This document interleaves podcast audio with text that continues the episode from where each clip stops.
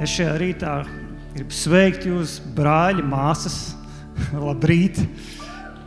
Esmu pārsteigums, varbūt, bet es gribēju pateikt, ka šajā rītā mēs tā kā druskuļi tajā programmā esam iekļaujuši, ka vairāk kalpotāji nedaudz padalīsies ar, ar, ar, ar to vārdu, ko Dievs viņu sirdīs līdz ar to skatu par lietām. Un es esmu pirmais šeit uzkāpis un piesaku sevi un pārējos. Jā, jā paldies jums! Jā. Jā, varat apsēsties. Man ir dots kāds brīdiņš, tās ir piecas minūtes, lai ar jums padalītos. Un, un zinat, tad, kad man tā jāpadomā uzreiz, ko, ko, ko lai pasaka draudzēji. Un es sapratu, zinat, ir, mums ir dzimšanas dienas un kaut kādi svētki un notikumi. Un tie kaut kā mūsu dzīvi sadalīja tādos nogriežņos, tu saproti, vai ne? Gadi tur, gada ciklā, kaut kādā citā ciklā. Bet laikam jau gadu mijas šis laiks Eh, mums, kā draudzē, ir tāds vienots nogrieznis vienmēr. Mēs tādus gadu atskatus skatāmies un, un kaut kā savādāk uz to paskatāmies, uz kaut kādu kopīgu ceļu, ko esam gājuši, kopīgām lietām, kalpošanām, darbiem. Un šai sakarā tiešām tas tāds, tāpēc vien ir ļoti atbildīgi un būtiski. Un es viņu tā arī ieraudzīju. Tas ir tāds nogrieznis, kurā tomēr mēs pārkāpjam pāri un sākam atkal citu nogriezni. Un es ticu tiešām, ka Dievs ir ielicis mūsu laikā Jūs to arī tam tici, ka viņš ir devis gadus, un, un, un gadus es domāju, lai šī mērvienības, kā, kā tāds ciklisks notikums, iet uz priekšu. Un, zināt, man šajā laikā lika, nācās domāt par to vienu tādu raksturvietu, kas man uh, neatstāja, un tā ir no psalmu grāmatas. Uh, 37. psalma 4. pants. Te varētu jau no trešā panta arī izlasīt. Ceri uz to kungu un dari labu, paliec savā zemē un dzīvo ar godu. Meklē savu prieku savā kungā, tad viņš tev dos pēc kā tavs sirds ilgojās. Uh, nu, ļoti vispārēji raksturiet, man pašam likās, un te varētu domāt par to, ka paliec savā zemē un, un, un, un, un dzīvo. Un tā ir noteikti aktuāla lieta, vēl ar vienu. Bet es par to 4. pantu teikšu, tā tie teikts, meklē savu prieku savā kungā, tad viņš dos pēc kā tavs sirds ilgojās. Un es tādā drusku atpakaļ skatā arī par iepriekšējo gadu. Es domāju, cik ir to augļu, cik ir to rezultātu personīgi manā dzīvē, varbūt kaut kādā komandā, kur es esmu bijis iesaistīts, mūsu draudzē Es domāju, cik viņu ir īsti, kāda ir tā mērvienība, kāda ir tā, tā, nu, tā, tā, tā nu, auglības, tā novērtējuma daudzums. Un, zinat, Svētais gars man liekas, un rādīja, tik cik jūs meklējāt prieku manī, tik cik jūs meklējāt prieku savā kungā. Tik ir to augļu, tik ir tā rezultāta. Es domāju, interesanti, ka liekas, nu, taču ir kaut kāds, kaut kāds process, kaut kāds darbs, vienkārši jāiegulda, vienkārši ir jālūdz. Un, jā, jā, jā, tas viss ir tā tāds no tā izējošs. Un, zinot, es domāju, meklēt prieku savā kungā. Es noteikti svētku dienās jūs daudz svinējāt un nācāt kopā, un kāds meklēja savu prieku. Nu, labi, ne starp mums šeit kāds meklēja tajās vakariņās, svētku un kāds vēl kaut kādā pasākumā. Un, un, un sniegs arī nebija apbēdināti, bijām prieka nebija. Un, kā man viens brālis pirms, eh, pirms Ziemassvētkiem, es viņam tā kā, nu, zināju, ka viņš, viņš ir citā draudzē un ka mēs netiksimies Ziemassvētku vakarā laikam. Un tad es viņu apsveicu un tā ieskatījos acīs un es teicu, es tev gribu, lai tiešām tev te Kristus dzimšanas svētki ir prieks tavā dzīvē, tavā namā. Viņš tā pastījās uz mani. Teica, nu, var jau būt, ka tas prieks arī atnāks. Nu, jūs saprotat, nu, viņa tur nebija tā prieka. Nu, viņš tā, pēc manas tāda vēlējuma var jau būt, ka šis atnāks arī beigās. un, zinat, un, un kaut kā es tā pārdomāju, pie sevis ar domāju, ir tā, ka tā kā vakariņā kaut kur es tur un, un liekas, nu, tā kā īsti jau nav tā ārēji, tu viņu tā kā nedabū. Un es taču Dieva bērns un, un, un Jēzus mans kungs, tā kā vajadzētu būt. Un es saprotu, ka zinat, tas ir neprieks, kas ir nu, tas, ko mēs kādreiz prieku tā emocionāli jūtam. Un mēs kaut kā ārējā tādā ietekmē kaut kādā sajūtam. Bet tu piekritīsi, cik reizes tu sajūti to prieku, kas varbūt uz ārpus tā kā vēl nav, bet tevī iekšā ir prieks. Ir prieks kādreiz pat bēdās. Tev Dievs ir devis vārdu, un tur kaut kas tev iekšā nu, urdī tā, ka liekas, tur lekt gribas. Ārā tev nesaprot, apstākļi nav atbilstoši, bet iekšā kaut kas tevī notiek. Cik liels ir prieks, ka tu esi pasludinājis evaņģēlī kādam? Cilvēkam, kuram tu piegāji klāt, kur likās, ka tā saruna sākumā bija varbūt neveikla, bet tad tu runāji, tad tu vadījies no svētāja un tu jūti, tu pateici vārdus, par kuriem viņš, viņš tika aizskarts un izmainījās situācija. Kas notiek tevī, kas notiek tavā sirdī? Tas milzīgais prieks, un tas ir tāds kā neatsverams, tas ir kaut kas tevī ir uzbūvēts uzreiz, kaut kas tevī ir radīts. Un tad es domāju, cik patiesi tā rakstīt, ka tu meklē šajās jomās prieku savā kungā. Un, zinot, mums arī tāds svētku pasākums bija Ziemassvētku laikā, un, un, un mūsu tuvinieki, radi un bērni sabrauc kopā. Kā jau tur, nu, tomēr dāvanas un viss notiek. Un tad, zinot, vienā brīdī tur tas mazās meitenītes atrada dāvanu papīru. Tāds palielāks dāvanu papīrs bija īsti izsaiņots jau dāvanas daļa. Un, zinot, reizēm, reizēm tā ir tas dāvana papīrs, ir košāks par to dāvanu. Viņas atrada to lielo dāvanu papīru, viņas spēlējās tik aizrautīgi. Tur, tur, tur, tur varēja zin, skatīties un domāt, nu, kas tas ir, par ko. Un tad es tā skatījos un domāju, paklau, nu, kaut kas ar mums dzīvē tāds arī notiek. Mēs tik daudz laika veltījam lietām, mēs esam sajūsmināti par to, kas notiek ap mums, sajūsmināti par kaut kādām dāvanām, kuras īsti nav dāvanas. Mēs esam sajūsmināti par lietām, kas mūs, kas mūsu laiku aizņem. Un es domāju, šis laikmets, šis laiks, kad, kad Dievs deva mums vārdu, kad, kad tumsība apklāja zemi, bet par tevi, kā saule uzlec tas kungs, vai ne? Tā ir milzīga starpība. Bet mūsu novērstie skati uz to apkārt notiekošo, uz to it kā it kā kaut kādu falšo prieku, vai ne, paņem tik daudz laika, tik daudz mūsu domu, tik daudz mūsu spēku, un es gribu teikt, vispirms tik daudz mūsu augļu, kurus mēs varētu atnest. Tā kā es šajā gadā es redzu atpakaļ, ka tik cik es esmu meklējis prieku savā kungā, tik Dievs ir darījis auglīgi man dzīvi. Un man tāds, tāds, tāds iekšējs tāds, nu, neapņemšanās, bet tāds gandarījums par to, tāda liela drosme tajā, ka Es zinu, kungs, ka man ir šī atslēga. Man ir atslēga, lai es esmu auglīgs, man ir atslēga, lai es būtu vēl ar vienu spēcīgs, man ir atslēga, lai es ar vienu kalpotu Dievam un izdarītu to, ko Dievs grib, lai es piepildītu savu aicinājumu. Tā kā es tev šajā rītā gribu uzmundrināt, paņem šo atslēdziņu, paņem šo atslēdziņu, nevis Dievu priekšā atnākot, vienkārši kur ir prieks, Jēzus, kur ir prieks bet vienkārši paēst viņu priekšā. Un tur tavs sirds kaut ko tādu atvērs, dimensijas, kuras tu nezināji, tavā sirdī viņas ir. Tu ieraudzīsi kaut ko, ko tu vari izdarīt, un kas būs tavs patiesais prieks.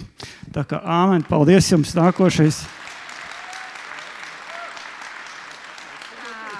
Paldies! Labrīt! Nu jau labdien, draugi! Es jums iedošu vēl vienu atslēdziņu, un es apsolu, ka es runāšu īsi. Tas ir ļoti neparasti. Uh, priekš manis, bet uh, es jums gribu pamatā izlasīt vienu raksturvietu, kas ir garāks pāns. Un es uh, ļoti domāju par to, nu, ko tādu īpašu, un es nekādīgi nevarēju aiziet no šīs manas mīļākās raksturvietas. Gluži tāpat kā meklēju savu prieku savā kungā, ir viena no manām raksturvietām. Tad, nu, lūdzu, vēl vienu atslēdziņu šim gadam, ko es esmu redzējis šajā gadā priekš sevis, un es zinu, ka tajā var iet tikai dziļumā, plašumā, augstumā, viņa mīlestībā. Ieja 22. nodaļa mums saka, no 24. panta. Principā visa tā nodaļa ir fantastiska, bet es lasīšu no 24. panta.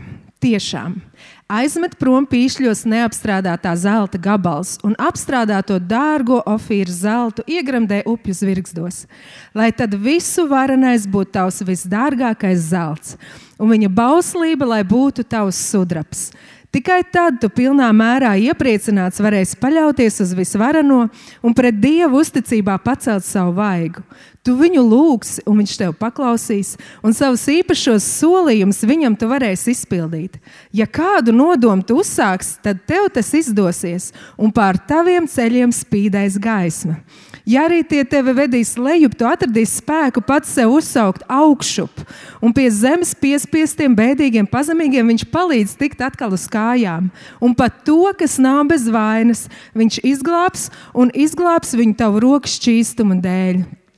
Un Tas, ko es jums gribētu novēlēt un uzdāvināt šajā dienā, un patiesībā tas, ko Normons arī teica, es reiz domāju, kā es varu meklēt to prieku. Jā, protams, darot viņa darbus, esot viņa gribā, esot viņa vārdā.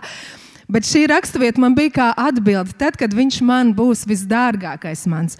Un arī šeit šie apstrādātie, neapstrādātie zelta gabali, tajā laikā tas bija kaut kas ļoti dārgs tiem cilvēkiem. Varbūt šodien, kā mēs dzirdējam, mājas, un mašīnas, un cilvēki, un attiecības, un status, un karjera, un uh, savas dzīves piepildījums. Varbūt tas mums ir šobrīd zelta vietā. Bet, ja mēs tās visas lietas spējam nolikt malā, un viņš ir mūsu visdārgākais zelts, jā, šīs lietas būs, un mēs esam uz šīs pasaules, mēs šo pasauli lietojam, un tās lietas būs ap mums. Bet, lai mūsu dārgums, kur ir tavs dārgums? Tavs dārgums ir tavs sirds. Un kur ir tavs dārgums? Vai tavs dārgums ir tas kungs? Un, ja tavs dārgums būs tas kungs, tad, tad tevī atnāk šis patiesais prieks. Tad tevī Um, jo mūs, kā jau mēs dzirdējām, kā Normons teica, mums nevar iepriecināt tikai tās lietas. Tas prieks ir īslaicīgs. Tās lietas, kas ir ap mums, tie, tie pat, pat cilvēki, pat situācijas, pat apstākļi. Šajā dzīvē viss mainās. Vienu brīdi tas ir augšā, otru brīdi, kā mēs lasījām, varbūt arī mūsu ceļi ved lejup. Bet tad atkal mēs ar to kungu ceļamies augšā. Bet, ja viņš ir mūsu dārgums, ja viņš ir mūsu zelts, un ja mūsu pamats ir nevis šeit, tas, ko mēs redzam, šī nīcīgā pasaule, kas patiesībā iet uz iznīcību, bet ja tas kungs ir mūsu zelts, un ja mūsu saknes un mūsu pamats pamats ir nevis tajā, ko mēs šeit redzam, bet tajā, ko mēs neredzam, bet ko mēs zinām ar visu savu sirdi. Tas kungs, ja ir mūsu zelts, ja tas kungs ir mūsu pamats, tad pasaulē var notikt jebkas. Tavā dzīvē var nākt un iet lietas, bet tu stāvēsi, tu nekad nekritīsi, tu būsi nesatricināms. Tevī būs šis patiesais miers un prieks, jo tev būs tas kungs. Tas, ko tev neviens nevar atņemt. Un šajā gadā, nākamajā gadā, es sev novēlu, jo es saprotu, es šajā gadā patiesībā tas kungs man ir vedis sev tuvāk, un viņš ir man teicis, ka es neesmu ar mieru virspusējām attiecībām. Es gribu iet dziļāk ar tevi, meitiņa. Un es zinu, ka tas ir, šis ceļojums ir tikai sācies. Tajā, tajā ir šie plašumi, dziļumi, augstumi, šie mīlestības plašumi, kuros mēs varam iet, kuros mēs varam piepildīties ar tiem. Un es novēlu, lai šajā nākamajā gadā tavs dārgums un tavs zelts ir tas kungs. Un tad tu stāvēsi stipri, jebkuros apstākļos, jebkurā situācijā. Un tā kā mēs dzirdējām šajā Ziemassvētku dievkalpojumā, lai tu atzītu to kungu. Mēs jau saprotam, ko šis vārds nozīmē. Ne vienkārši pazīt, ne vienkārši kā mēs arī dzirdējām, ka Dārvids sludināja, ka Jēzus ir manā pilsētā, viņš ir manā zemē, manā ciemā, varbūt manā draudzē, noteikti manā draudzē ir Jēzus, bet vai Jēzus ir manā sirdī, vai viņš ir manā mājā, vai viņš ir manā dzīvēm lai viņš mums būtu tik, tik tuvu klāt. Un tad, kad mēs viņu atzīsim, un viņš atzīs mūs, tad dzims šie jaunie sapņi, tad dzims prieks, kas, tad dzims miers, kas ir augstāks par katru saprāšanu, tad dzims šie sapņi, redzējumi, mērķi no Dieva, kurus mēs sasniegsim. Tad mūsos dzims šī mīlestība pret cilvēkiem, tad mēs iesim uz ielām un sludināsim. Tad, kad mūsu zelts būs mūsu kungs, to es arī jums šajā gadā novēlu lai jūsu dārgums ir viņā.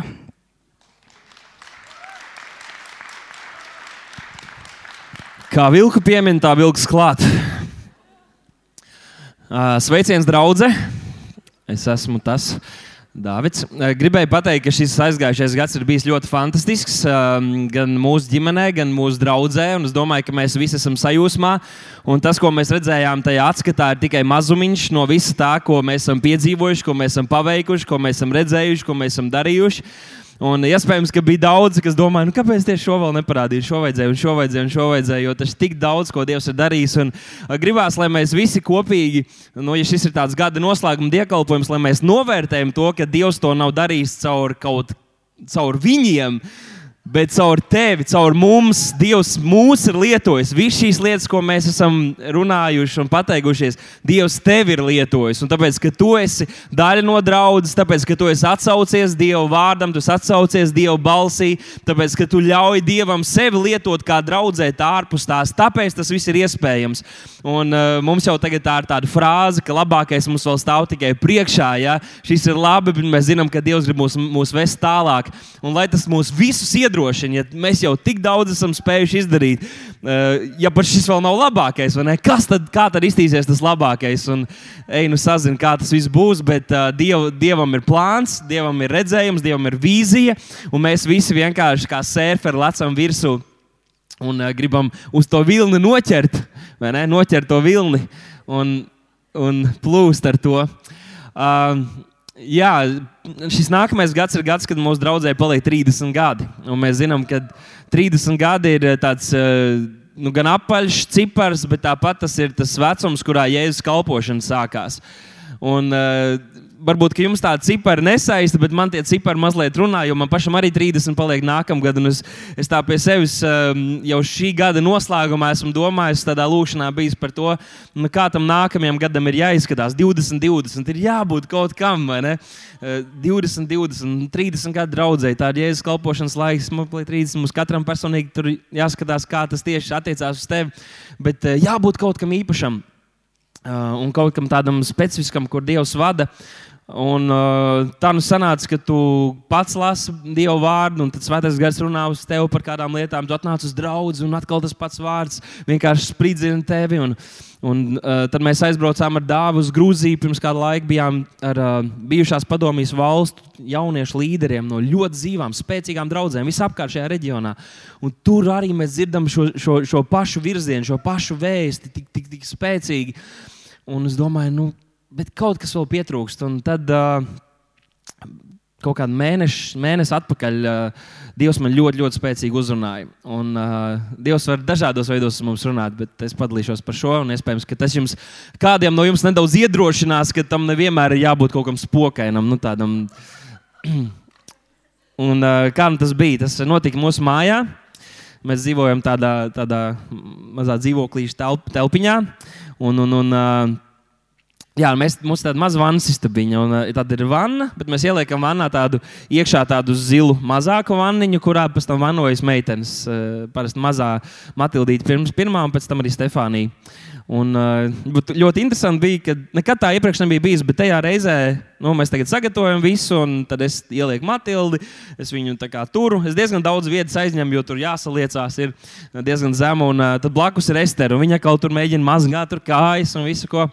Un tad pēc brīža ienāk Stefānija, un viņa tā viena puse pēc otru pusi, un viņa tāda, bet kur ir mana vieta? Nu, viņai jāpiedalās tajā visā. Ir. Un es tāds, wow, ritīgi, nu, tas man tā baigi uzreiz uzrunāja. Un tad kāds dienas vēlāk mēs atkal sēdējām uz dīvāna viesistabā, un atkal laikam Ester bija ar mazo, un es kaut kā tur arī kaut kas vēl uz dīvāna stāv, un, un, un Stefānija tur drudžaini kāpj uz tā, uz tā dīvāna, cenšas uzkāpt, un, un tad viņai nesanāk. Viņa saka, bet kur ir mana vieta? Iespējams, ka es vienīgais to pamanīju mūsu ģimenē. Es nezinu, jāprasa Esterē, vai viņa arī to. Es, mēs, nu, labi, es, es paprasīju, viņa nebija to pamanījusi. Viņai cits lietas, kas uzrunāja. Bet tas ritīgi man uzrunāja. Kur ir mana vieta? Kur ir mana vieta? Kur ir mana vieta? Un es domāju, par šo, par šo frāzi, kas varbūt ir savā ziņā tāds, kas tieši attiecībā uz jauniešu kalpošanu šajā nākamajā gadā. Bet, kā, Šis jautājums mums visiem var būt, jo mēs bieži dzirdam, draugi dara, mums ir jāiet un tā, bet vai Bet kas ir ta, tas mans uzdevums, kas ir tā, tā mana vieta, kas ir tas mans aicinājums, specifiski? Un varbūt kādiem vēl ir jautājums, lai gan tu jau sen esi tajā savā aicinājumā, un tu dari to, kam Dievs tevi ir aicinājis, un Dievs tevi vada uz priekšu, bet tev visu laiku ir šis jautājums, bet, bet kas man ir jādara, un tā tālāk. Un mēs nenododamies pilnīgi tam, kur mēs esam, tāpēc ka mēs laikam tā domājam, ka ir jābūt kaut kam citādākam, ir jābūt kaut kam īpašam. Un es ticu, ka Dievs šajā gadā grib mūs visus tā no jauna iegremdēt šajā savā aicinājumā un savā vietā, Dieva valstībā. Jo mēs varam likt akcentu uz draugu, ir svarīgi, ka mēs izjūtam savu draugu kā savu garīgo ģimeni, bet runa ir par Dieva valstību. Tas nozīmē, ka Dieva valstība ir jāizplešās mūsu zemē, Dieva valstība ir jāizplešās šeit draudzē. Tā ir mīlestība mūsu vidū, bet tāpat tā ir mīlestība uz mūsu tuvāko, mīlestība uz cilvēkiem mums līdzās. Tā ir māceklība, kad mēs redzam, kuri te ir jaunie, kur te ir kāds, kam ir vajadzīgs stiprinājums, kur te ir kādi, kuriem ir jau Kristu. Un mēs katrs kļūstam par atbildi, ko Dievs var lietot, lai draudzes tiktu celt, lai cilvēki tuvotos Kristum. Un tāpat tas notiek arī ārpusē. Tāpat tā ir misija. Un kāds varētu domāt, vai tad draudzē arī kādam ir jāveic misija? Jā, tie ir cilvēki, kas atnāk, kuri nepazīst Dievu, ir cilvēki, kuri varbūt pazīst Dievu, bet viņi nepazīst šo draudzes, šo kolonijas sadraudzību un šo nu, mīlestību savstarpējo. Un ir jābūt šeit mūsu vidū cilvēku zvejniekiem, kas saka, es gribu būt šī Dieva mīlestība un rokas un misija šeit. Tāpat mums jāizsniedz cilvēki tur pasaulē. Bet par šo aicinājumu, un es domāju par šo, kur ir mana vieta, kur ir mana vieta. Es atcerējos Jozovā piedzīvot to, kur Jozovā pirmajā nodaļā, trešajā pantā, ir tas stāsts, kur Jozovā tiek izsūtīts, lai ieņemtu apsolīto zemi. Jūs visi zinat šo raksturvietu, bet es gribu to jums vēlreiz iedot, kā ieskatoties šajā nākamajā gadā, kas ir mūsu priekšā. Un tur Dievs saka, mans kalps Mozus ir miris, tad nu celies ar visu šo tautu un ej pāri Jordānai uz zemi, uz to zemi, ko es viņiem, Izraēla bērniem, gribu dot. Visas vietas, kur jūs savu kāju pēdas liksiet, es jums esmu devis, kā es to esmu Mozum solījis no tūkstneša un arī no no Libanona apgabala līdz pat lielajai upei, līdz Eifrats upei, visa hetiešu zeme, zeme līdz lielajai jūrai, pret saules rietu. Tās, lai ir jūsu robeža, neviens, lai tavā dzīves laikā nav spējīgs tev turēties pretīm. Un Dievs viņam iedod šo milzīgo attēlu. Viņš saka, visu šo grandiozo zemi es jums dodu, bet atslēga ir tā, ka visur, kur jūs spērsiet ticībā savu kāju pēdas, to es jums jau esmu devis, un jūs to saņemsiet, un neviens nebūs spējīgs jums stāvēt pretīm. Un līdzīgi man šķiet, ka Mēs esam ieņēmuši kaut kādu teritoriju savā pilsētā, esam ieņēmuši kaut kādu teritoriju ticībā, kā draugs. Un Dievs saka, ok, ir daudz lielāka, tā apsolītā zeme ir daudz lielāka, daudz plašāka, kā, jums, kā jūs redzat to šobrīd. Tāpēc ticībā ņemsim un spērsim savu kāju pēdas jaunās teritorijās, jaunās zemēs. Es domāju, draudzē jaunas kalpošanas, kurām jāsākās. Mēs runājam arī par šo jauno nāmu, kas simboliski runā par to, ka ir, es, es domāju, teiksim, ja, ja ir kāda mūsu vidū, kur ir cīnījušies ar parādu saistībām, ar ātriem kredītiem, tu esi ticis tam cauri. Mēs jau esam sākuši darbu ar vairākiem cilvēkiem, bet tā varētu būt vesela kalpošana, kur vienkārši sāk strādāt. Mums ir cilvēki, es esmu iesaistījies tādā evanģelizācijas kalpošanā, kas internetā tur aizsniedz cilvēks. Ir neskaitām daudz cilvēku, kur ir norakti parādu saistībās, un draudzene varētu būt atbilde, kur, ir, kur var nākt un strādāt un palīdzēt cilvēkiem sakārtot savas dzīves. Ir cilvēki, kas ir dažādās atkarībās, un jā, mums šķiet, viņi jau ir laimīgi, ir, viņiem patīk tā uzdzīvot, bet viņi raksta, viņi sauc daudz, viņi meklē palīdzību. Es netieku galā ar šīm atkarībām, tās man velk zemē, un draudzene var būt atbilde. Un es vienkārši domāju, noteikti ir tik daudz vēl dažādas zemes, gan ko mēs kā draugi, gan katrs no mums, kur mēs varam spērt ticībā savu. Uh, savus soļus, lai mēs ieņemtu šīs jaunās zemes, ko Dievs grib un var mums dot, un Viņš mums jau to ir devis.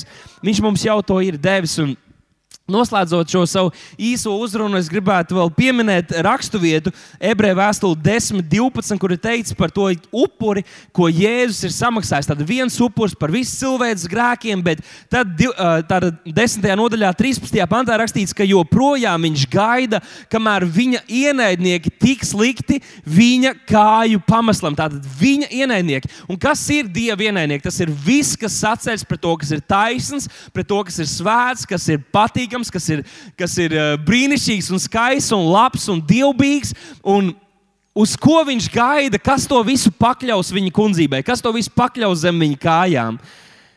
Tā ir draudzene, draudzene. Elles vārta nevar stāvēt pretīm draudzēji, kas ir spēks, kas visu visur piepilda. Un tā nu mēs, draugi, mums ir, es ticu, un es to uzņemos uz sevi personīgi. Šis nākamais gads ir jābūt gadam, kad es spēršu, es spēršu jaunus soļus, un es sākšu ieraudzīt savu kalpošanu un savu dzīvi, un to, ko Dievs var darīt caur mani jaunā veidā, vēl uz priekšu, un tāpat katram vienam. Ja es varu tagad, Dievs noteikti ieskatās tavā sirdī, saka, tas ir tavs gads, negaidi tagad jauno gadu, tu jau vari sākt šajā brīdī, sāc jau domāt, sāc sapņot. Dievs, kā tu gribi vadīt mani, Dievs, kā tu vari mani lietot, kā tu vari mani lietot manā darba vietā, manā skolā, visur, kur es esmu cilvēku vidū, lai debesu valstība izplatītos. Un, uh, Viens no tādiem ļoti spilgtiem iespaidiem man pēdējā laikā bija šis, ka mēs bijām Grūzijā. Tur tu satiec tādus jaunus puikas, kas ir jaunāki par mani, un kādi, kas ir vecāki par mani. Tur ir cilvēki, kas cenšas uzsākt, uzsākt kaut kādus uzņēmumus, vai cenšas uzsākt kaut kādas lietas, lai viņi varētu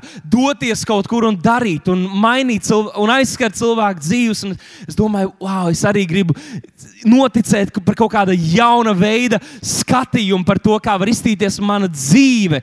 Uh, draudzē, kā mēs kopīgi varam aizsniegt cilvēkus, kā mēs jaunos veidos varam spīdēt savā pilsētā un mainīt lietas un ietekmēt sabiedrību visos līmeņos. Tā ka katra mūsu sabiedrības sfēra, Kristus ir kungs, Kristus ir kungs, Kristus ir kungs, lai viņa vārds tiktu pagodināts. Un, tas ir tas, kas ritīgi deg manā sirdī. Un, ja tas atsaucas uh, tavā sirdī, uh, vienkārši ticēsim, būsim lūgšanā par to un, un, un, un ticēsim Dievs, ka tā mūsu vieta, mēs esam savā vietā, bet tā tāpat, ka mēs katrs tādu sakam, nē, šī ir mana vieta, tāpēc pāriet malā. Es sēdēšu pie šī galda, es ēdīšu no šī, šī galda, kas ir sagatavots, un es redzēšu, kā Dievs darbojas caur mani šajā gadā, jo Dievs vienkārši ir tik brīnišķīgs.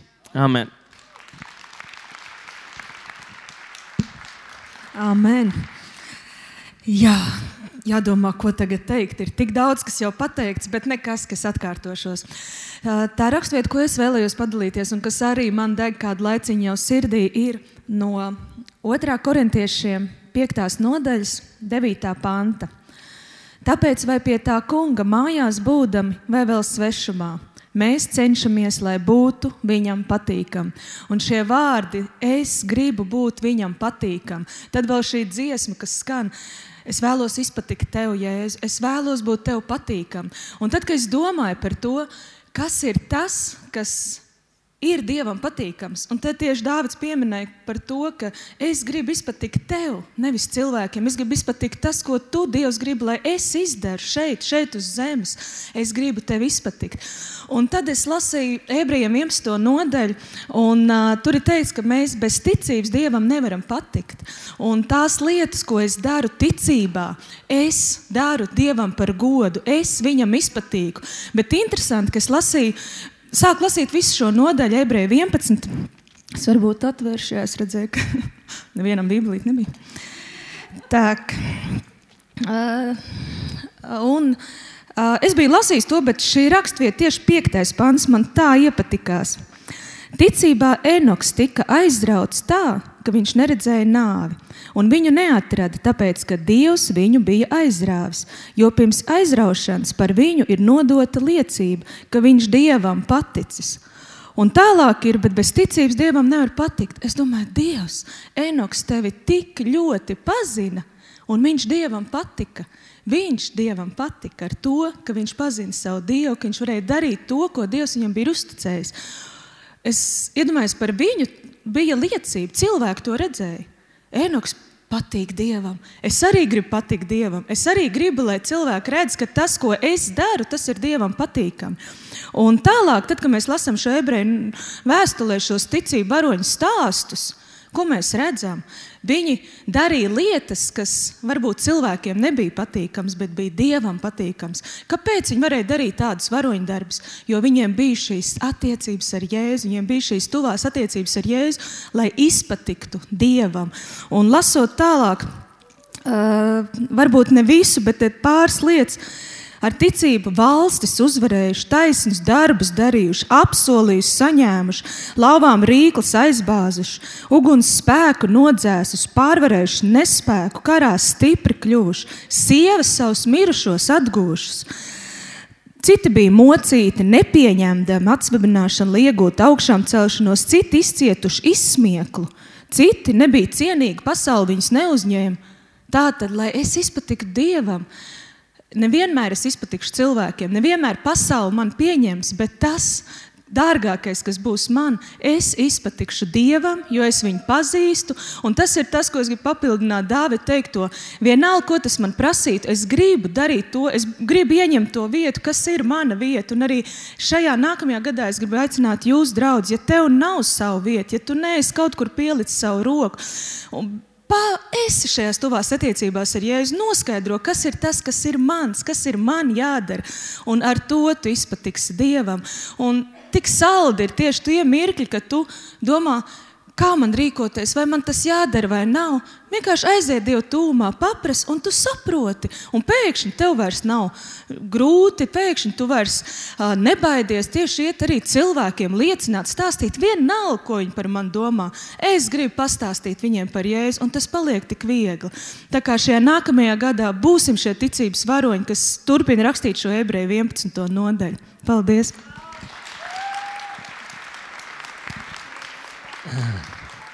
Jā, paldies visiem, visiem, kas mūs uzrunāja. Man gribētos, ka mēs tagad uz līdzenas vietas arī lūgtu par to visu, lai mēs to neaizmirstam, jo es arī kaut ko mazliet parunāšu. Tad pieceļamies kājās visi. Debes Tēvs, mēs pateicamies par šo gadu. Mēs arī pateicamies par šo vārdu, ko mēs dzirdējām. Mēs gribam meklēt savu prieku Tevī. Un uh, patiesībā tas ir tas īstais prieks. Un paldies Tev par to, ka mēs esam varējuši to baudīt līdz šim. Un mēs pateicamies, ka varam atšķirt to patieso no, no visām mazām, uh, spilgtām, ietinamajām ierīcēm. Kunga Jēzus vārdā. Paldies Tev, ka draudz meklē prieku Tevī. Mēs pateicamies par attiecībām ar Tevi ka mēs tās varam padziļināt, ka mūsu attiecības ar Tevi nav virspusējas. Paldies, Tev, Tēvs! Paldies, tev, ka mūsu sirds deg, ka mēs varam būt uzticami savā vietā. Katrs no mums varam būt dedzīgi, kvēli, varam būt tiešām cilvēki, kas meklē, kur pielikt savu roku pie Dieva darba un nepalikt malā. Paldies, Tev, Kungs! Arī paldies Tev par, par to, ka mēs varam dzīvot tev patīkamu dzīvi, kungs. Ka tas būtu svarīgākais mūsu dzīvē, kunga Jēzus vārdu. Pasaki līdzi ar maniem, es gribu patikt tev, kungs. Paldies, tev, Tēvs. Mēs to lūdzam kunga Jēzus Kristus vārdā. Un viss draudzes sacīja, Amen. Jā, lūdzu, apsēdieties. Un, un, jā, tiešām mūsu kalpotāji mūs uzrunāja. Tas bija ļoti, ļoti jauki ļoti uh, nu, stipri. Tiešām likās, ka uh, arī tā, nu, tāda likšanās stadijā, ja, kad Dievs uzrunāja katru no mums caur viņiem. Nu, ko es pie tā visa vēl gribētu noteikti pielikt klāt? Man ir viena lūkšana, ko es uh, ik pa laikam saku Dievam, un tā nāk ļoti patiesi no manas sirds. Un tā lūkšana ir pateicība par to, ka Dievs man ir ļāvis kalpot šajā draudzē. Jūs zināt, draudzes ir daudz un dažne, dažādas. Uz katra stūra gandrīz vai brīžiem liekas, ir pa draudzēji. Bet man ir tā palaimējies kalpot jūsu draudzē. nu, tā vien šķiet.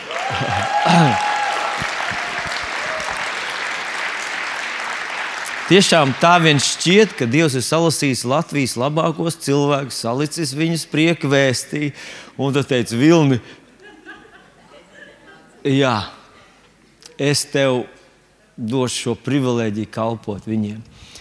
Es redzu jūsu starpā tik daudz talantīgus, drosmīgus, ikstu, izturīgus, sīkstus, nesautīgus cilvēkus, nu, ka vienkārši es nezinu, vai vēl kaut kur kaut kas mazliet no tā ir. Esmu ļoti pateicīgs Dievam. Esmu ļoti pateicīgs Dievam par visiem tiem uh, sirmgalviem, kas ir bijuši gadiem ilgi uzticami. Gadiem ilgi. Mums ir uh, nu, varbūt lielākā daļa jūs nezināt, ka ir trešdienas vakarā arī lūkšanas. Tas tāds noslēpums līdz šim ir bijis. Jā. Bet ir cilvēki, kas ir katru trešdienu, katru trešdienu. Ir kāda sirma galva, ir kāda um, jaunieša te ir arī. Un kad jums paliks kādreiz sirmā galva, mīļie draugi, jūs sapratīsiet, ka novecoju tikai ārpus. Ja? Tur iekšpusē mēs visi esam vienādi jauni. Ja? Jo mums visiem ir priekšā mūžība. Mūžība. Un tur vairs tev ir 5032 vai 5072, vairs nebūs nekādas starpības. Ja? Jo tas, tas, kas mums stāv priekšā, ir vienkārši nesalīdzināms ar to mazo iesākumu nu, handikapu, kas mums ir šeit. Un no otras puses, jaunieši, mēs jūs klātbūtni ļoti novērtējam. Es jūs ļoti novērtēju. Es nezinu, kā es esmu kļuvis par onkuli. Es, es nepamanīju to mirkli. Jā. Man visu laiku uh, savā pamatskolā es biju jaunākais klasē, vienmēr nu, radās tas sajūta, ka es visur vienmēr esmu jaunākais. tas bija jaunākais mācītājs. Tad man sāk devēt par vecāko mācītāju. Un es gribēju atkratīties no tās, nu, ko jūs man par to vecāko sauciet. Nu, kaut kā skaistākais, tur, garākais vai stiprākais. Vai kaut kā. nu, labi. Bet jaunieši, mēs priecājamies par katru no jums. Jums ir priekšā tik daudz. Daži no jums kļūst par izciliem vadītājiem, daži kļūst par izciliem tēviem, izcilām mamām, izciliem uzņēmējiem, daži kļūst par māksliniekiem, daži par izciliem šoferiem, daži par izciliem mm, apmetējiem, daži par elektriķiem. Um, tu domā, elektriķis tas ir kaut, kāds, nu, kaut kas nu, noniecināms. Pasauc kādu, kurš ir drāmīgs elektriķis savā mājā, un tad tu sapratīsi, kāda starpība starp izcilu automehāniķu izcilu o, vīru, kurš māca uzmūrēt kaut ko, un tas turās, kad mājas cēl, un tās stāv un tās kalpo. Uh, mīļie draugi, jaunieši, Dievs jūsos katrā ir ielicis tik daudz. Un mēs no savas puses gribam atbalstīt, ticēt par jums. Mēs gribam par jums lūgt. Mēs, kad jūs būsiet premjerministrs, mēs pensionāri balsosim par jums.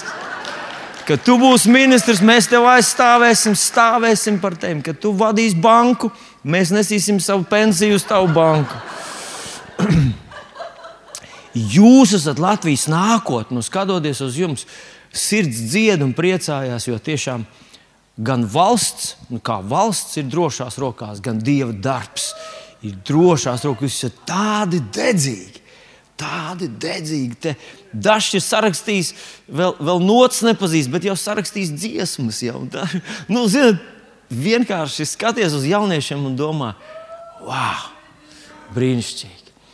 Un tad es meklēju kursus, kur var atbūt, apgūt Facebook un, un, un, un Twitter. Jaunieši jau sen tur ir, jau visi jau tur influenceri. Es te vienu dienu piegāju pie sol, soliņa, sēdēju kāds, kāds trīs meitenes. Un, Parunājām, izrādās, visas trīs ir influenceri. Kas ir influenceri? Tie ir mācekļi. Jā. Kristus mācekļi, viņi iet influencē pasauli. Slavu Dievam par influenceriem! Jaunieši, es vienkārši esmu autā par jums. Jā. Cik ātri jūs mācāties, cik uh, atrodat jaunus ceļus, jaunas iespējas, malači. Jums visas durvis ir vaļā.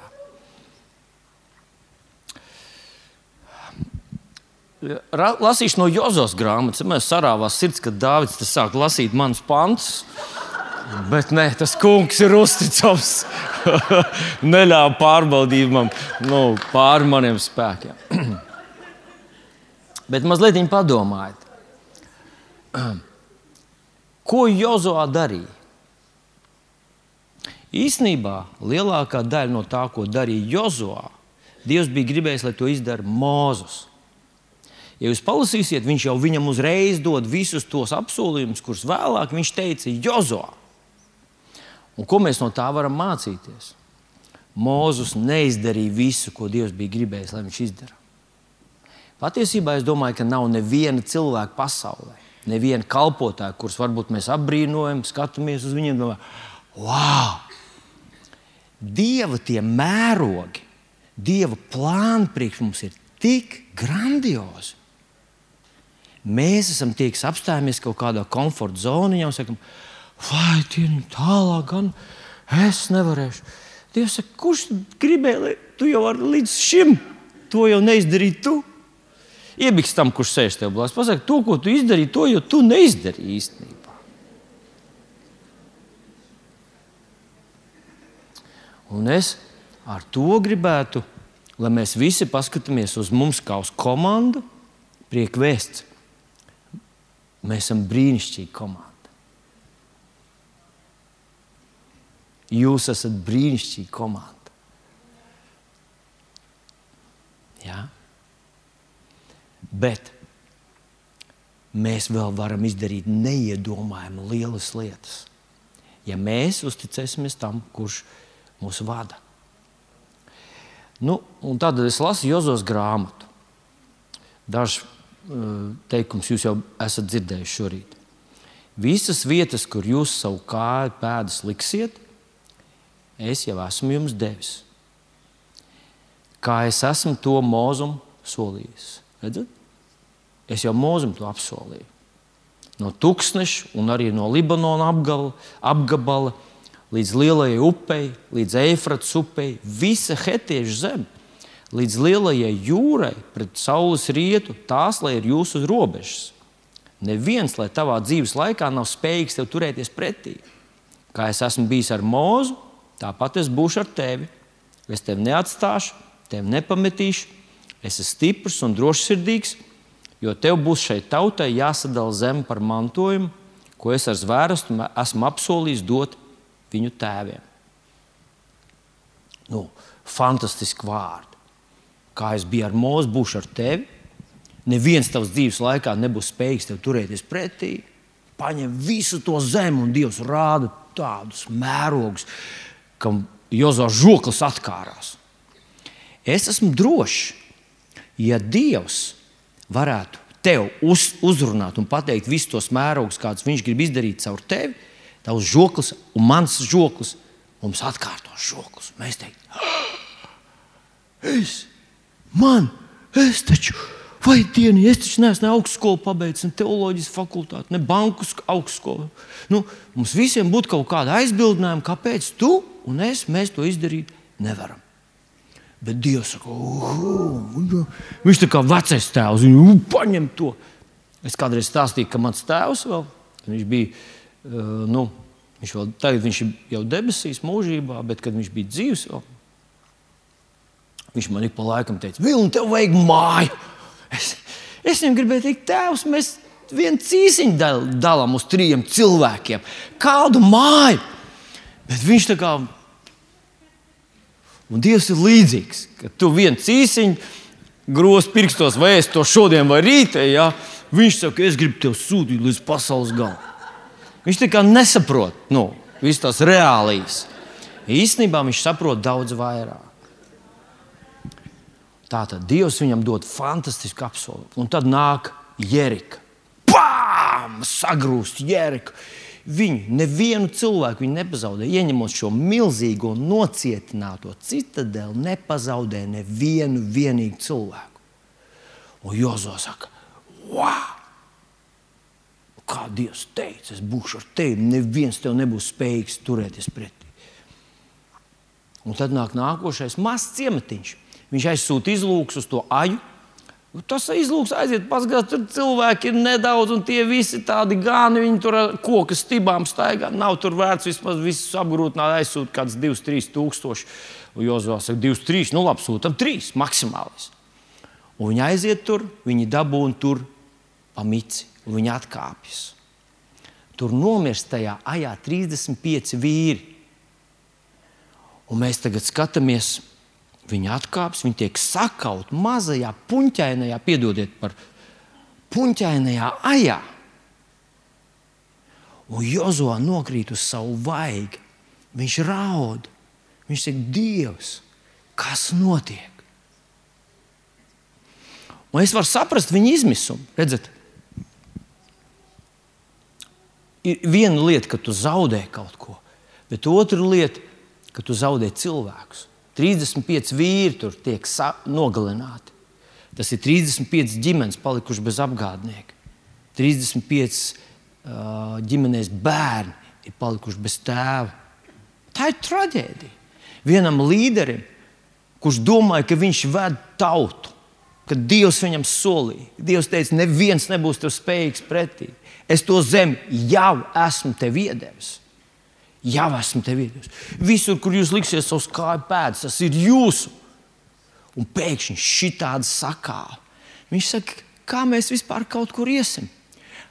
Bailes pārņēmuši tautu, un ienaidnieks ir pārņēmis uzvaras prieks. Viņi saprata, ka mēs neesam neuzvaram. Kurš teica, ka Ēlas vārti nevar uzvarēt draugu? Paskatieties, mūsu mazie Ēlas sūdu vārtiņi, piedodiet, nu, ja, ja mēs salīdzinām ar sasit mūs tur. Mēs visi esam bailēs. Tur blakus Jozovā bija cilvēki. Nu, es druskuļi no sevis pielieku klāt, kas redzēja visu šo situāciju. Viņi nāca klajā ar doktrīnu, ka apsolījumiem īsti pat taisno uzticēties nevar. Nu, tas nevar būt tā, ka tieši tā kā rakstīts, tā arī ir. Nevar būt, ka Dievs tiešām teica, ka neviens nu, nevarēs tev turēties pretī. Nevar būt tā. Kā otrā korintiešiem 1,20 rakstīts, jo cik ir Dieva apsolīšana, tās Kristu, Jēzu, visas, jā, un tāpēc mūsu āmen Dievam par godu. Tā nevar būt. Ir kaut kas neskaidrs, nesaprotams. Dievs vienreiz dziedina, otrais sit, Dievs vienreiz glābi, otrais pazudina, Dievs vienu mīl, otru ienīst. Tas šodien ir izplatīts. Mēs skatāmies uz debesīm ar tādu lielu jautājumu zīmi, ko tad Dievs darīs ar mums. Jozā raud, varbūt, tu esi bijis tādā vietā, saņēma apsolījumu, ka Dievs tev palīdzēs, Viņš tev vadīs, tev no, nokārtosies šis vai tas, vai tas biznesa, vai darba lietas, vai naudas lietas, vai parādi, vai kaut kāds konflikts, kur tu esi iesprūdis, un Dievs tev deva apsolījumu, un tu devies tur kā Jozā, tāds uzvaras apziņas pilns, un bām! dabūji. Un tad vēlams tev saka, nē, nu, es taču naivs. Taču nevar būt, ka, ka tā viss ies baigi labi. Un zinat ko? Jozo tur raud Dievu priekšā. Tā ir tāda, nu, nu es nemāku to pateikt, varbūt es mēģināšu ātrāk virzīt uz priekšu to savu sakāmo. Un tad Dievs viņu uzrunā, ko tu uz mani brēc? Es druskuļi saku savu interpretāciju. Ko tu uz mani brēc? Ne jau es nepildīja savu solījumu, bet tu neesi ievērojis instrukcijas. Un tad viņu konstatē, ka Dievs viņam saka, ka Izraels ir paņēmis no lāsta mm, lietām, un tagad Izraels nevar pastāvēt. Es domāju, ka Jozovā tas bija tāds milzīgs atvieglojums, lai gan viņam stāvēja priekšā ļoti sāpīga lieta. Viņam vajadzēja uh, norganizēt un pavēlēt, lai visa ākana ģimene, visi viņa lopi, visi viņa bērni, viņa sieva, viss, kas tur vien bija, tā bija vecā derība. Tas bija tāds īsts bauslības laiks, kad grēku iznīcināja tādā veidā. Viņus vajadzēja visus nomētāt ar akmeņiem. Tas bija traģiski.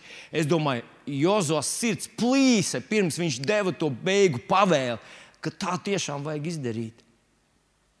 Bet uzzinot to, Viņam vēl aizvien tas ir jānokārto. Viņa sirdī atnāca milzīgs prieks un līksmi.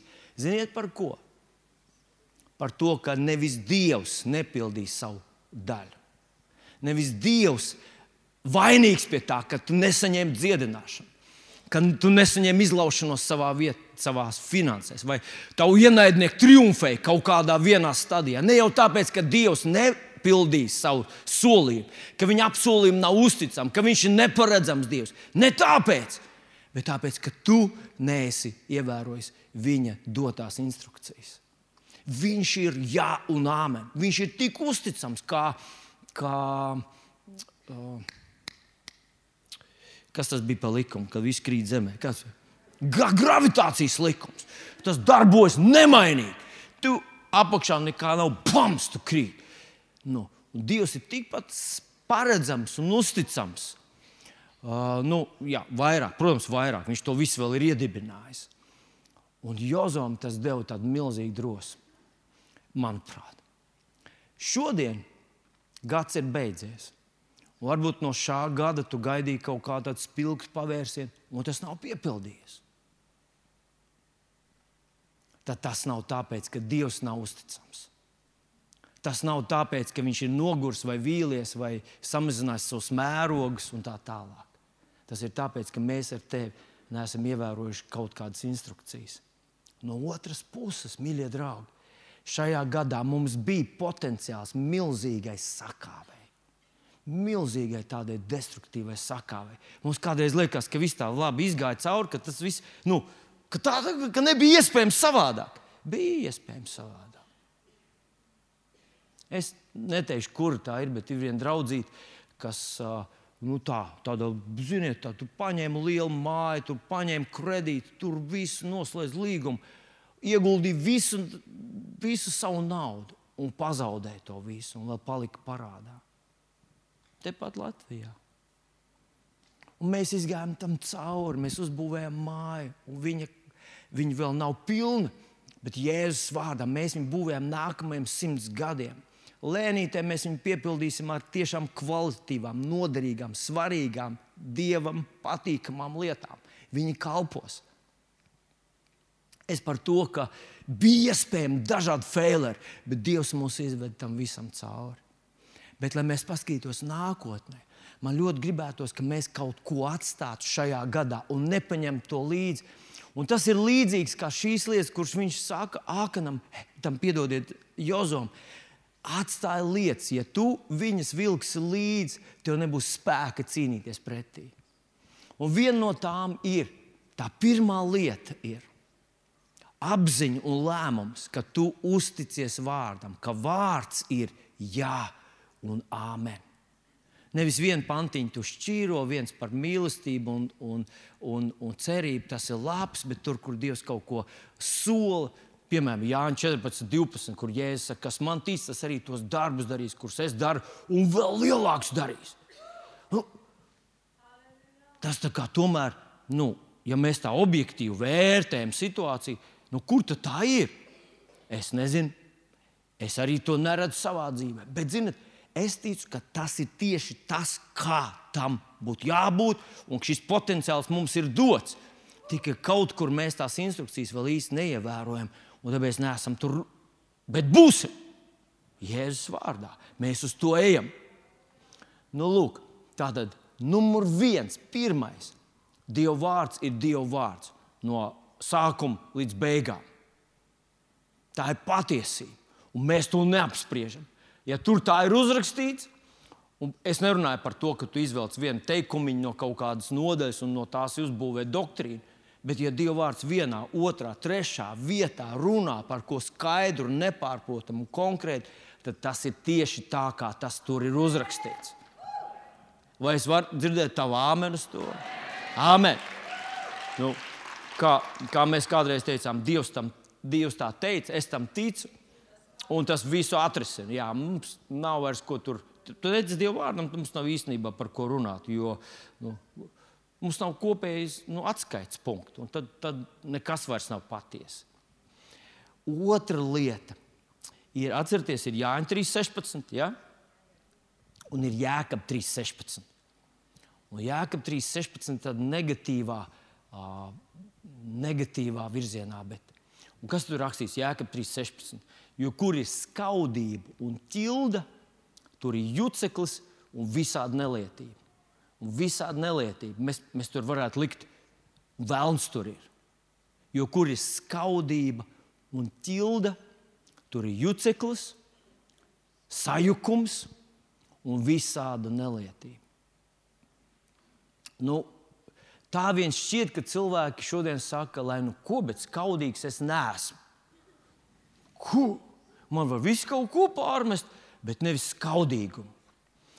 Un es, es negribu gari runāt šodien, bet man pārliecība ir tāda, ka visur, kur ir rūkums, daļa no tā, vai pat sākuma stadija tam visam ir skaudība. Skaudība nav tas, ka man iet slikti. Mēs esam gatavi iziet cauri grūtiem laikiem, ja vien kāds, kādam citam neiet labāk, un mums nerodās sajūta, ka uz mūsu rēķina. Mums taču vienalga, cik tur tam, nu, pieņemsim, Lembergam ir naudas, vai ne? Bet, ja viņš to ir nozadzis mums,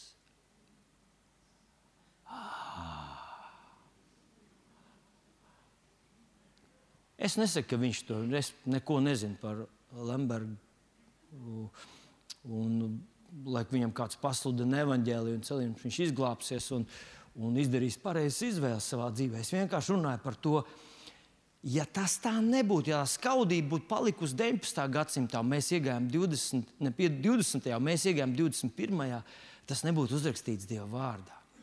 Skaudība ir kaut kas tāds, kad mēs gribam būt izcili, bet kāds mums ir priekšā. Skaudība, kāds dzied dziesmu, tu nedziedi. Kāds stāv priekšā, kādu pazīst, kādu tur, kādu tur atzīst, kādam maksā, kādu aicina, kādam kaut kas ir. Tev tā nav. Un tas ir tā, tā, tas tā tāds palaidē mehānisms, lai sāktos, uh, sāktos rūkums. Rūkums, manuprāt, ir šīs pasaules uh, vēzis, kas saindē visu cilvēku dzīvi, tautu dzīves, tautu domāšanas, kas izposta ģimenes, izposta draugus, izposta valstis, rūkums, kas sākās ar tādu, zinām, ar tādu skaudību. Vai visiem tā skaudība ir? Nu, godīgi jums pateikšu, man liekas, ka man nav. Man ar to galīgi nav problēmas.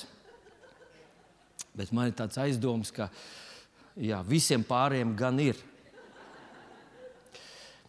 Nu, paklausieties vēl mazliet. Ebrejiem tā būs pēdējā rakstiet, ko nolasīšu. Dzenieties pēc miera ar visiem un pēc svētas dzīves, bez kā neviens neredzēs to kungu.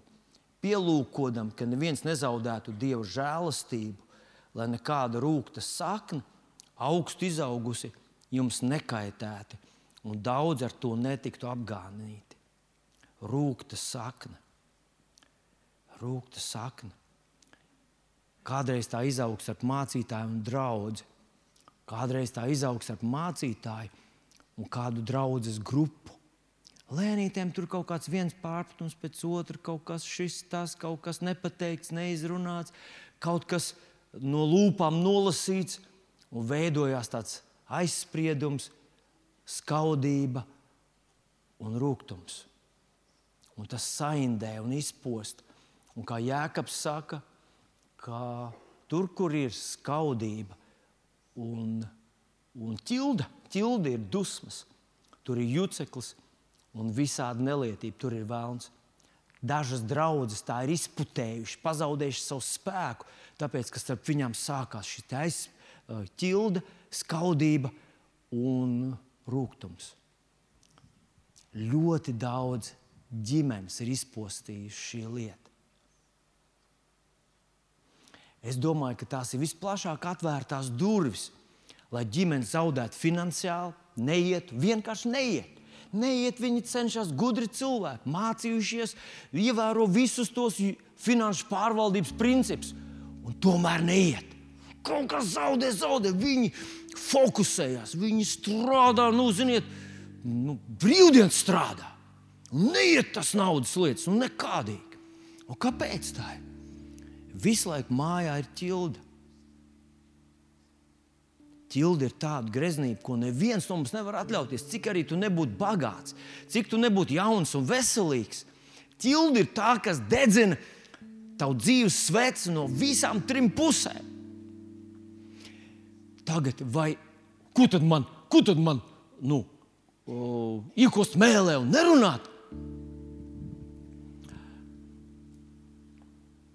Ja mēs salīdzinām tos ļaunumus, ja divi vīri un sieva rejās savā starpā visu laiku, viņi var runāt valodās, viņi var iet veselīgā draudzē, viņi var būt lasīt Bībeli no rīta līdz vakaram. Ja viņu starpā ir ķilde, viņi ir atvēruši plašas durvis slepkavam. Vēlns ir ļoti perfekts slepkā. Viņš māca nogalināt tā, ka mēs pat to nejūtam, nemanām. Tad, kad mēs atģistamies, jau ir par vēlu. Vīri un sievas vēlams ienīst vairākas lietas šajā pasaulē. Bet viena no ļoti nīstamām lietām vēlnam ir ģimenes vienprātība. Ja ģimene ir vienā prātā savā starpā, ja viņi pieņem viens otru, saprot viens otru un saprot, ka ir lietas, kuras nevar izrunāt, tā ir muļķības. Ka, ja vien jūs mums pietiekami runāt, jūs izrunāt beig beigās. Nav iespējams. Katrs mēs redzam pasauli no saviem ierakumiem. Un pats ar vīru un sievu ir tas, ir tas brīnums. Ja tā brīnuma nav, tad tur ir karš. Un tas brīnums saucās piedošana. Es tev piedodu. Man sieva man ir piedevusi, vai vienīgi, ja viņai viss būtu jāizstāsta, ko viņa man ir piedevusi. Ja viņa tā kritiski izstāstītu, kāds, nu, negribās lietot nekādu tādu žargonu, es zinu, jā, es zinu. Ja viņa nespētu man piedot, mēs būtu beiguši jau savu, savu sadarbību jau gadus atpakaļ. Bet jāsaka, tas pats no manas puses. Neviens man nav tā sāpinājis. Kā tā maigā, smaidīgā līga.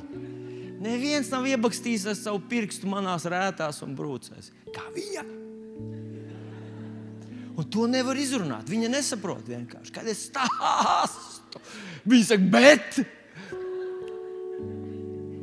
Un vienīgais veids, kā tikt tam pāri, ir piedot. Paņemt aiz rociņas, teikt, Dievs, paldies tev par sievieti. Paldies tev par līgi. Wow! Kur es būtu bez viņas? Ak, kungs! Tāda ir tava sieva. Viņa tev ir dota kā Dieva žēlastības dāvana. Un vēlams grib, lai tu sarūktinies un pēc tam sapost visu. Jo, zinot, es ticu, ka ģimenē, kurā ir tāda, tāda labi, es, es beidzu.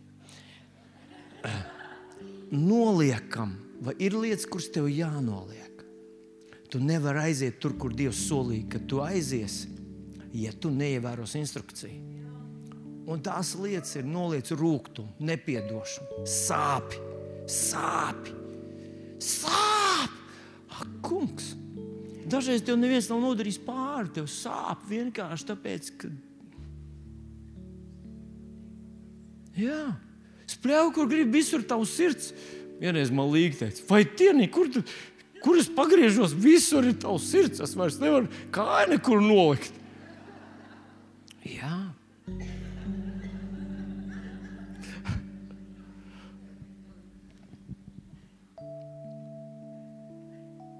Padomā, lūdzu, mazliet, vai ir tavā dvēselītē kaut kāds sāpes, varbūt pret valdību, pret valsti, pret ieņēmumu dienestu. Varbūt tev paprasīja nodokļu samaksāt. Tā ir viņu, viņu svaidījums. Ir. Meklēt kādu, kurš var samaksāt, un tad viņi tev noķēra. Samaksā, un Dievs tev palīdzēs to nopelnīt atkal. nepaņem to līdzi. Šī ir tā vietiņa, tā kā Dievs saka, uzrunā Jozo, ko tu uz mani kliedz? Ej, ievēro instrukciju. Es gribu tevi uzrunāt, ja tu dzīvo grēkā, tu dzīvo ārlaulības attiecībās. Ja tu dzīvo ar meiteni, kur tu mīli un kur tev ir pasaules gals, tu gribi iet ar viņu, viņa ir tev dievu dot. Nāc, šurp mēs tev tuņu salauzāsim un visu, un, un, un, un dzīvojot kā vīrs un sieva.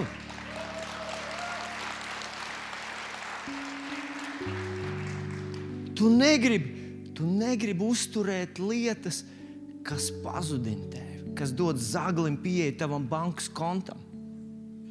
Tu taču neiedod zaglim savu bankas kontu un paroles, vai ne? Tu sargā, bet tu dod viņam iespēju tikt klāt tavai dvēselē, tavai, tavam ķermenim, taviem bērniem.